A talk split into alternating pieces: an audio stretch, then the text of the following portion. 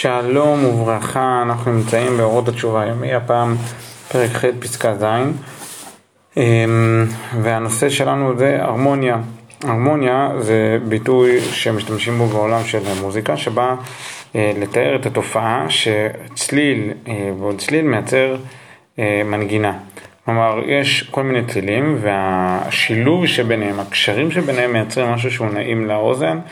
אה, ומייצר תחושות אה, טובות ונעימות, אה, וזה הרמוניה. ויש, וכשזה עובד כמו שצריך, וכשדברים באמת מתפקדים והם, ובאמת הם מאזנים אחד את השני, אז זה הרמוניה, אבל כשאין הרמוניה זה צורם, זה כואב, זה מציק, זה מפריע, זה זיוף, זה לא מתיישב, זה לא...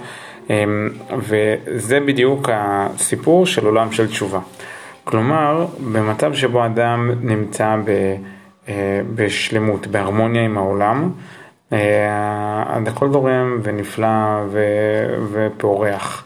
אבל אם במקום אה, הרמוניה יש חטא, שזה דיסהרמוניה, שזה יוצא מהסדר הנורמלי, ממה שמשתלב בתוך הבריאה, בתוך הטבע, אז זה צורם ומפריע ומציק ומעצבן, קודם כל לאדם עצמו.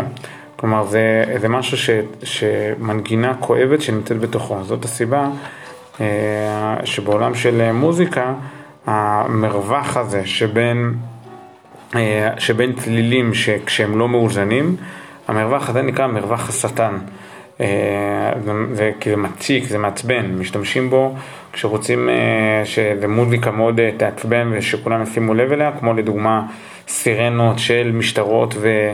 אה, ואמבולנסים, אז זה נועד בשביל להסב תשומת לב. ולמה זה ככה? אה, כי בעצם המרווח הזה, העובדה שמשהו הוא, הוא לא מחובר אחד לשני ולא מחובר ל... אה, לדברים אחרים, אז, אז זה, זה מעצבן, זה מציק, זה, זה, זה לא, קשה לנו עם זה. וכך, וכך גם עולם התשובה. וככל שאדם הוא יותר אה, עדין ועם חושים יותר חדים, שהוא שם לב אה, טוב יותר, איך אנחנו, איך הוא מתחבר לתוך ההוויה, שלכל, לתוך העולם שנמצא סביבו, ואיך הוא מתחבר יותר לעצמו. אה, אז ממילא הנפש שלו היא יותר גבוהה, וככל שהיא יותר גבוהה, ככה הוא יותר שם לב לזה, וכן זה הדרך. כלומר, ברגע שאדם עושה תשובה, הוא מכניס את צלילי החיים שלו להרמוניה אחת מדהימה.